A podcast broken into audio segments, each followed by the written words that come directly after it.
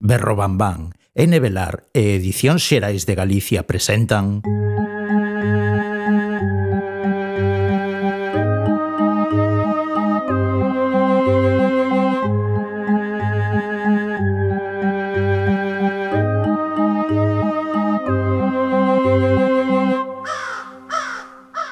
Trece avisos.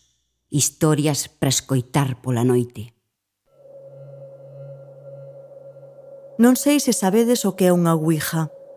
A ouija é un taboleiro de madeira rectangular, grabado co abecedario en dúas liñas de 13 letras cada unha, números do 0 ao 9, un sol no extremo superior esquerdo, unha lúa no extremo superior dereito, e tres palabras, sí, non e adeus.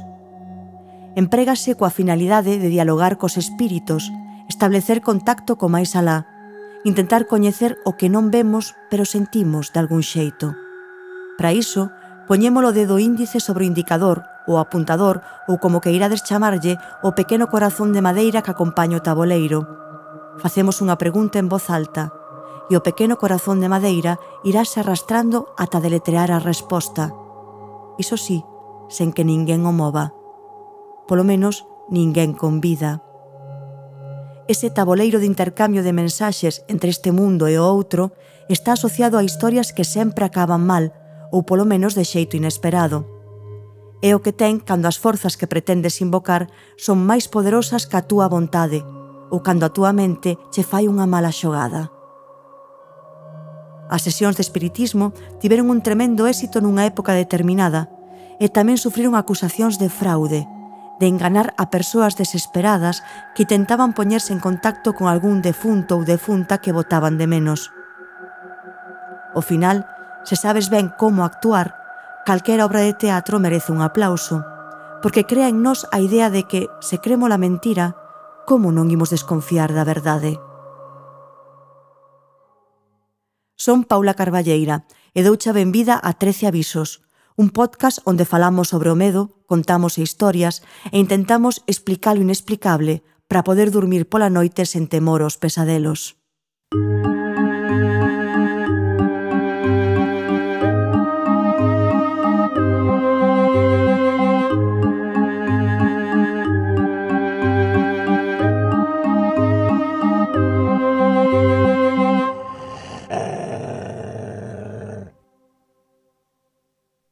a Ouija.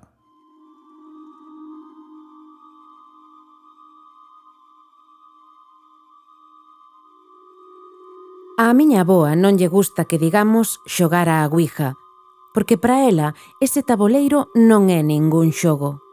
Gardao nunha caixa de madeira no estante máis alto do seu armario, entre sal e candeas brancas que afastan os malos espíritos se por casualidade quedan atrapados alí. O meu irmán e máis eu temos collido a Ouija un par de veces, pero nunca conseguimos crear o ambiente dunha verdadeira sesión, como as que fai a miña aboa.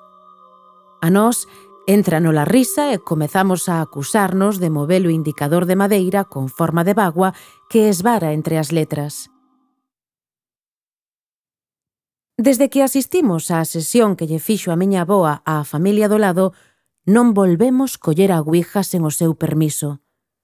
Só ela sabe como manexala e quedounos ben claro que se non podes manter a calma e pensar con frialdade, algo sinistro comeza a envolverte, entra na túa cabeza e non sae nunca máis.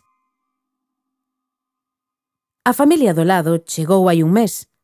O pai é un home mal encarado, moi alto, cun bigote mesto que lle tapa a metade da boca, pasa o día no traballo e volve ao caer a noite no seu Audi vermello. Os dous fillos saen con el pola mañá e volven despois das clases. Son xemelgos, maiores que a min e co meu irmán. Cadramos con eles no instituto, pero non van no autobús. Van andando, aínda que chova, un a carón do outro. Encollidos, como se temesen que o ceo lles caese en riba. Alguén lles dixo que a miña aboa tiña unha guija, que podía contactar cos espíritos errantes e expulsalos no caso de que se aferrasen a un lugar, e eles petaron na nosa porta. Os xemelgos e o pai. Os tres. Unha tarde de novembro. Verá, señora.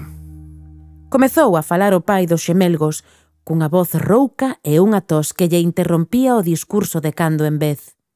Nos, eh, a ver, eh, eh eu non, os meus fillos, os meus fillos creen que imaginan que hai non sei, algunha algunha presenza na, na, na casa, na, na nosa casa, un, un espírito, unha, unha fantasma, non, non sei. Fixo unha pausa. Mirou para o meu irmán e para min. Baixou a voz. Preguntou. Pode vostede axudarnos? A miña aboa pediulles que pasasen e levounos á sala. Nos fomos detrás. Poucas veces nos deixa a miña aboa entrar na sala para non mover nin romper nada, nin rabuñar os mobles, como se fósemos bestas salvaxes. A sala está sempre ordenada, limpa, coa súa mesa redonda, as súas seis cadeiras, os seus estantes cheos de libros prohibidos, os seus candeeiros e candelabros con cirios a medio arder, o seu cheiro mesto e os seus misterios. Ocupamos as cadeiras seguindo un xesto da miña aboa, mentre ela ia buscar a guija. Os dous rapaces miraban o chan, encurvados, pero o pai cravaba os seus ollos en nós e eu tiven medo daqueles ollos grises e revoltos, igual ca un mar de tormenta. A miña avoa pediu que puxésemos as mans enriba da mesa, ben abertas, coas palmas cara abaixo, e que non cruzásemos as pernas. Prendeu as candeas, sentou e colocou o taboleiro diante dela. Murmurou que quizáis o espírito estaba prisioneiro na casa ou quizáis acompañaba a algún membro da familia, se é que había algún espírito ameazante, e que ia intentar que se manifestase ali, e que precisaba dunha man inocente que puxese o seu dedo índice a carondo dela e que non o separase ata o final da sesión. A man inocente resultou ser a miña, e eu estaba á súa esquerda, pero a miña aboa é zurda, así que ningún brazo se atravesaba. Nós xa tiñamos escoitadas moitas sesións. A miña aboa preguntaba hai algún espírito connosco. O pequeno corazón de madeira moveuse cara ao sí sen que me dese tempo a reaccionar. Podes dicírnolo teu nome? Seguiu preguntando a miña aboa, e o indicador esvarou con rapidez, arrastrando o meu dedo para sinalar o X, o U, o L, o I e o A. Xulia. Daquela, sen poder evitalo, separei o dedo índice, porque a madeira queimaba. Non, berrou a miña aboa, e desculpouse co espírito pola brusquidade, e convidou o espírito a marchar se quería, pero o indicador moveuse de novo, desta vez cara ao non. O espírito non quería marchar. O indicador movíase. M A, T, A, C, H, E, S, M, E. Matáchesme. A, G, O, R, A, V, I, V, E, C, O, M, I, G, O. Agora vive comigo. Acabouse. O pai ergueuse da mesa, incorporou con violencia os seus fillos e liscou sen despedirse. A miña aboa pechou a porta con chave cando marcharon, apagou as candeas, abriu as xanelas, alumiñoume a cara, gardou o taboleiro e foi preparar a cea. O día seguinte achegueime aos xemelgos no instituto. Eles sobresaltáronse. Eu expliqueilles que eu non movera nada, que a miña aboa quixera facerlles un favor, que ela non controlaba a guija, pero que era das poucas que a coñecía ben e a xente a respectaba por iso. Fóronse acougando, e o da expresión máis seria confesoume que en realidade non precisaban da guija, nin de min, nin da miña aboa, porque sabían quen era o espírito que impedía que o seu pai puidese dormir polas noites desde que a súa nai morrera. A súa nai chamábase Xulia.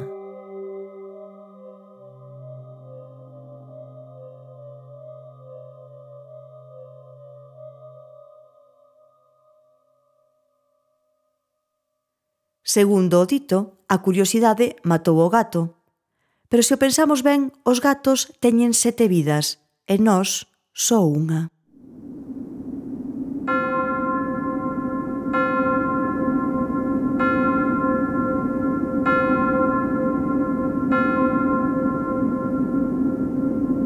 Aviso número 5. Obxectos malditos. Un obxecto en sí mesmo non está animado, non é un perigo a non ser que o empreguemos para chegar máis alá dos límites do entendemento. Algo do noso desacougo queda nel, e imos rodeando de desconfianza, temendo. A miúdo, cando facemos pactos ou acordos, traemos connosco un obxecto, un papel onde constan números, xuramentos e, por suposto, os nomes de quen asinan o compromiso, unhas chaves, unha caixa, e mesmo na noite de Halloween as nenas e nenos dos Estados Unidos enchen os petos de lambetadas despois de preguntar truco ou trato. En taboleiros escuros como os da Ouija, onde hai letras e números, tamén cabe o truco e o trato, pero polo xeral, quen se achega a eles sai perdendo.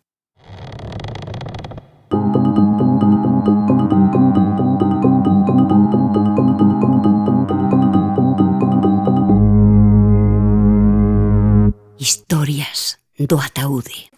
Pois nada, imos alá. O abro eu o ataúde. Efecto especial...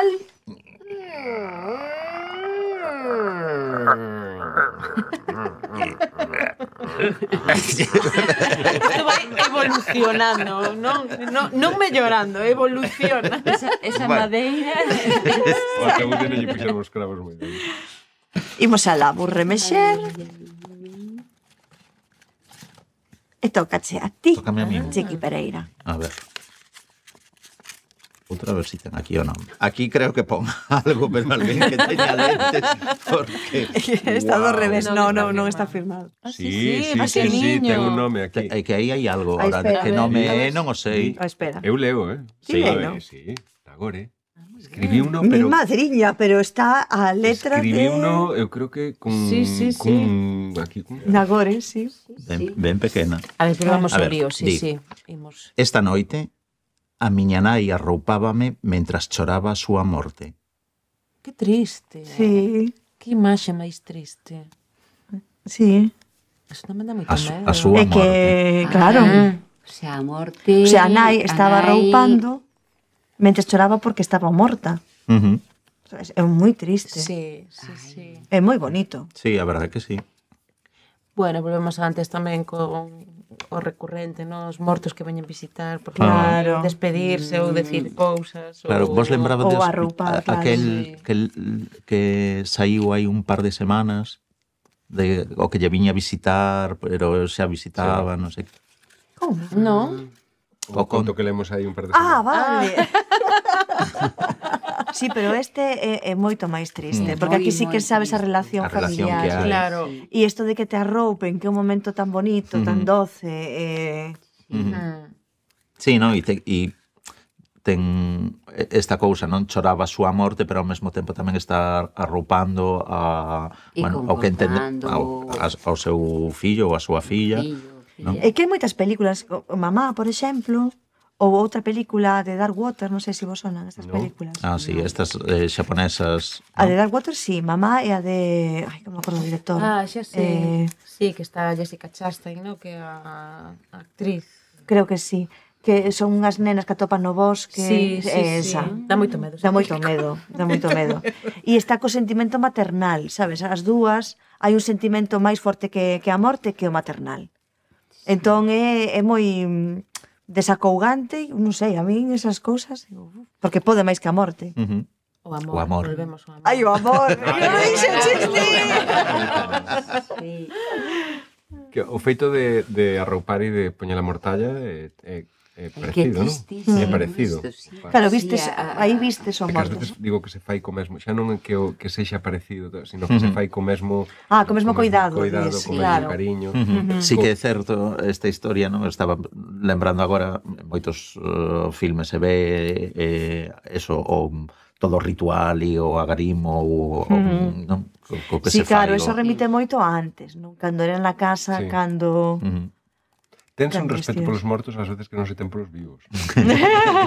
Quero dicir que tratas mellor a ese morto con ese pois, cuidado, porque normalmente sí que se amortalla, sí que, que tal, uh -huh. con, con certo cuidado. Pero é un ritual, máis ben. Sí, sí, sí, eh, sí. e os rituais son necesarios. Son sí, e a vos arrompaban nos, vos pola noite que é mellor que, que, que, no, que te arroupe unha persoa non viva ou que non te arroupe ninguén.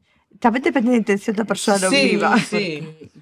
Porque a persoa viva, ti sabes que te vai, si te vai a roupar, pois pues é con cariño e tal. Oh, pero oh, a persoa non viva... Ah. Por que sempre lle poñemos os, os, os mortos eh, como que van facer algo malo? Que tampouco... Poden... No, pero ten que, ten que a, mm, pasar algo, algo para que volvan da morte a estar aí. Pero, Cos vivos están. A ver, eu se volvese, eu, co meu carácter se volvese volvería para non, eu non viría para facerlle, para estar unha broma. a min danme máis medo os vivos cos mortos. Moi ben. Sintonía.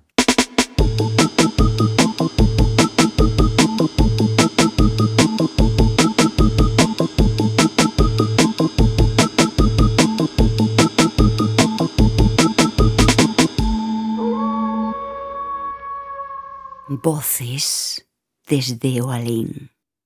Queremos escoitar esas voces que nos chegan desde diferentes lugares, voces de persoas que saben sobre o medo, sobre os medos, que os escriben, os debuxan, os contan, os imaxinan e os comparten. Persoas que para nós, de algún xeito, son unha referencia nestes eidos misteriosos nos que nos movemos. Oxe en Voces desde o Alén contamos con Chus Rodríguez, profesora no IES Cacheiras, promove desde os centros de ensino nos que traballa o interese pola lingua e a cultura galega acompañou o obradoiro de Paula Carballeira sobre como contar contos de medo para o alumnado de primeiro da ESO que serviu como punto de partida para a creación do libro 13 avisos, contos para escoitar pola noite, orixe do noso podcast. Pois nada, Chus, vouche preguntar por non a primeira vez que sentiches medo porque iso é moi difícil de saber, pero si sí a primeira lembranza que teñas de sentir medo. Mm, non sou unha persoa moi medosa, moi asustadiza, pero medosa, medosa non. Pero así lembro de pequena, había un cego en Santiago que levaba unha boina e un bastón, pues eso, dando co bastón por, por todos os lados, e berraba moito, e coñase moi violento, insultaba e intentaba tocarte, tal. Entón eu lembro mm, de ir con meu pai e sempre, cada vez que o vía, esconderme detrás que me daba así como moitísimo medo que me pudese tocar ou pegar con aquel bastón, era así un personaxe así moi de Compostela. E lembro eso, iba a zona da Portafaxera e as dúas rúas e terlle moi moito medo, porque tiña medo que me, que me pegase, sobre todo. E dos así, primeiros que lembro, con persoas, a profe Lolita, que lle tiña pavor, pavor, estábamos no último curso de párvulos, tan dictatorial, e pegaba, e uh, super medo aquela, aquela señora naquele edificio. Entón, era un edificio super enorme de pedra, e aquela señora, bueno, en fin, sí, son persoas, sobre todo, as que lle tiñan medo. Eh, ti que, que traballas habitualmente con rapazada, por que crees que a temática do terror é tan atractiva para determinadas idades, sobre todo? eu creo que estes que lles dou clase, eh, pero tamén os maiores, eh?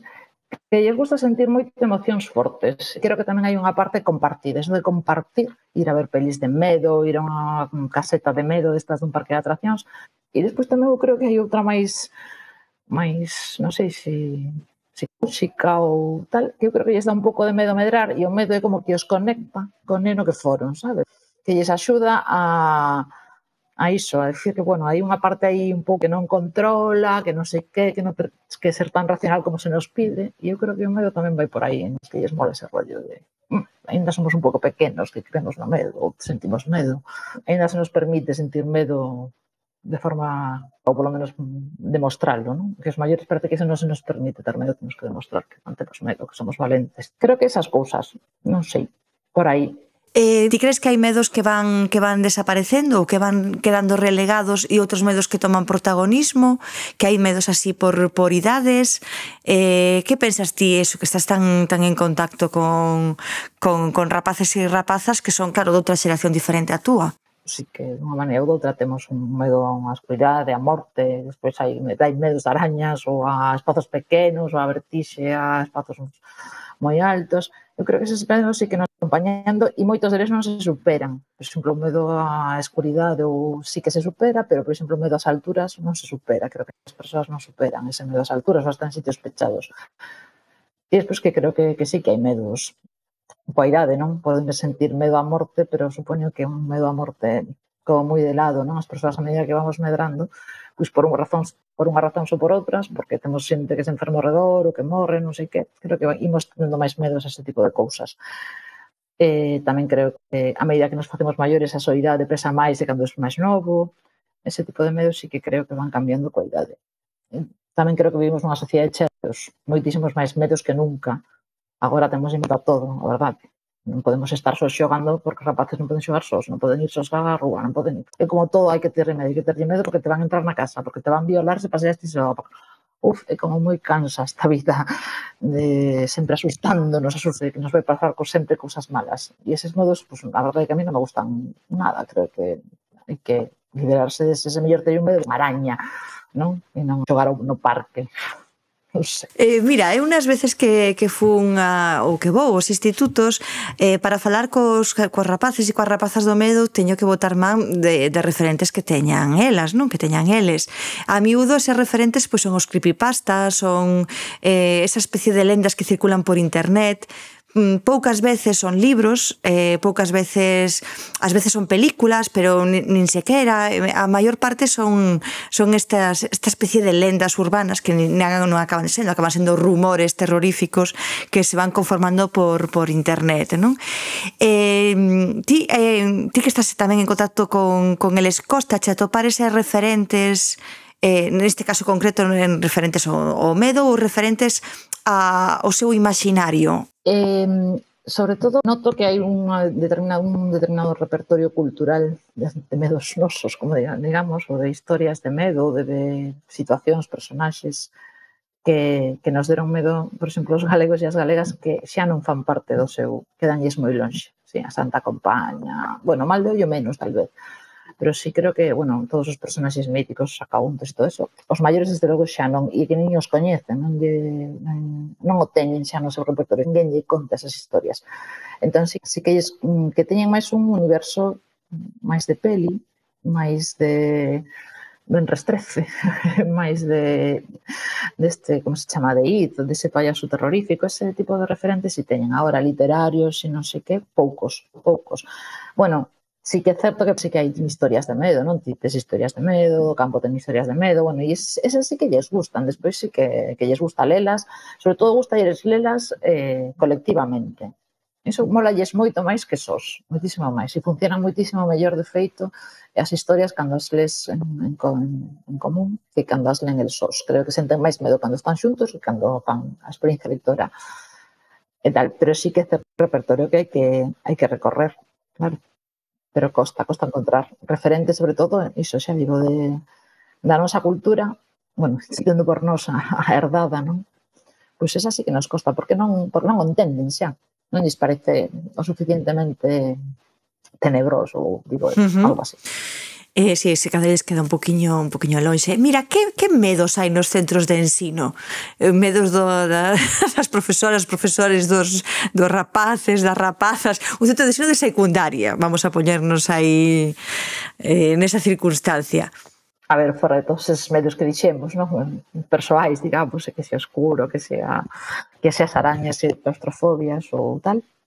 Eu creo que rapaces en xeral teñen medo o diferente e os, os, os de fora teñen medo, é así, sí, é, é horrible, pero é así. Eh, teñen medo a medrar tamén, en algúns casos, sobre todo os maiores, teñen medo a medrar e comportanse así de maneiras un pouco estúpidas ás veces. Eh, teñen medo ao futuro, claro, eso sí que se percibe, canto van máis no, nos cursos de arriba, pero eu creo que unha das cousas así que máis me a mí que máis me preocupa é ese medo ao outro, o que non é igual. Ese sí que me preocupa e ese é un medo que eu percibo cada vez máis. Cada vez máis. Uh -huh. E os profes, bueno, os profes somos valentes por natureza, que temos que nos enfrentar ali a un montón de, de criaturas todos os días, non, por a broma. Eu creo que os profes agora mesmo estamos un pouco asustados co que ven, porque o noso rol vai cambiar fundamentalmente. Imos ter que competir con inteligencia artificial, con un montón de cousas que xa mm, fan que a nosa, a nosa profesión xa non sexa como era. Eu creo que sí que hai un pouco de medo a iso, un pouco a non saber facelo e despois tamén hai moito medo a cambiar, non? porque porque vamos a cambiar un modelo que le va funcionando tanto tempo ou non funcionando, pero si sí hai un pouco de medo a iso eu creo que sí, dentro meus compás estamos un pouco a ver que vai pasar, non? A ver que vai pasar.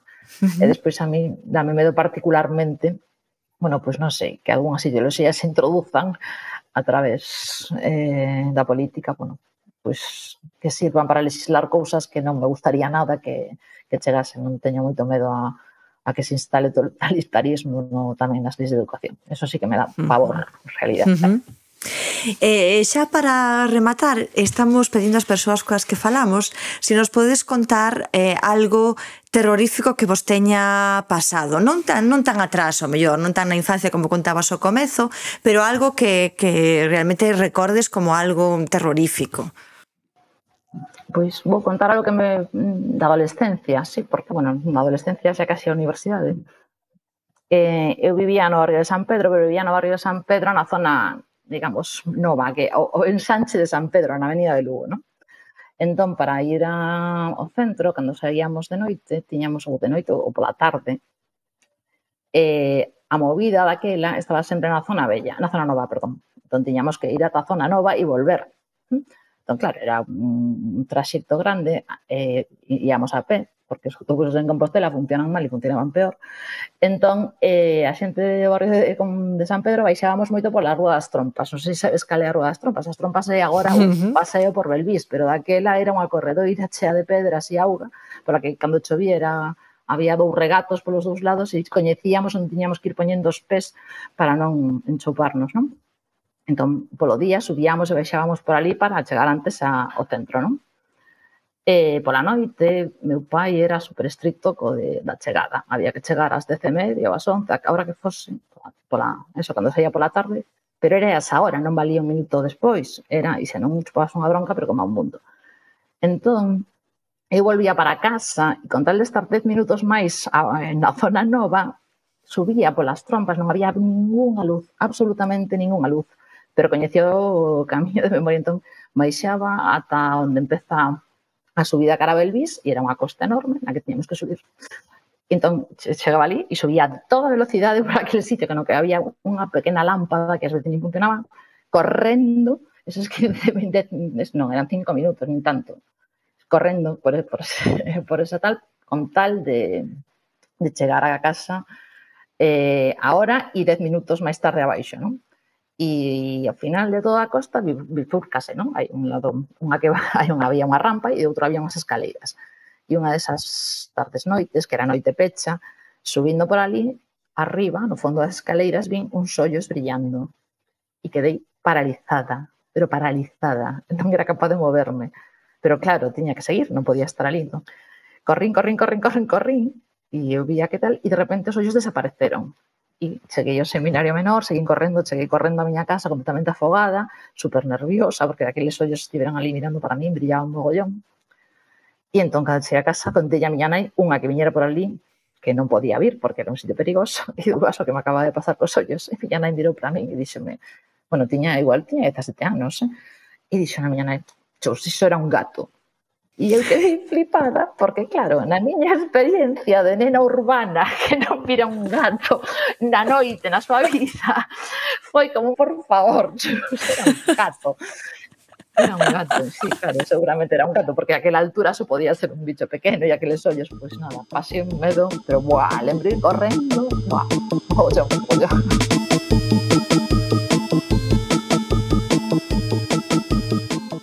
Ata aquí chegou este episodio de 13 avisos. Moitas grazas por acompañarnos. Que pasedes unhas boas noites e un consello. Non fuxades do medo, espantadeo.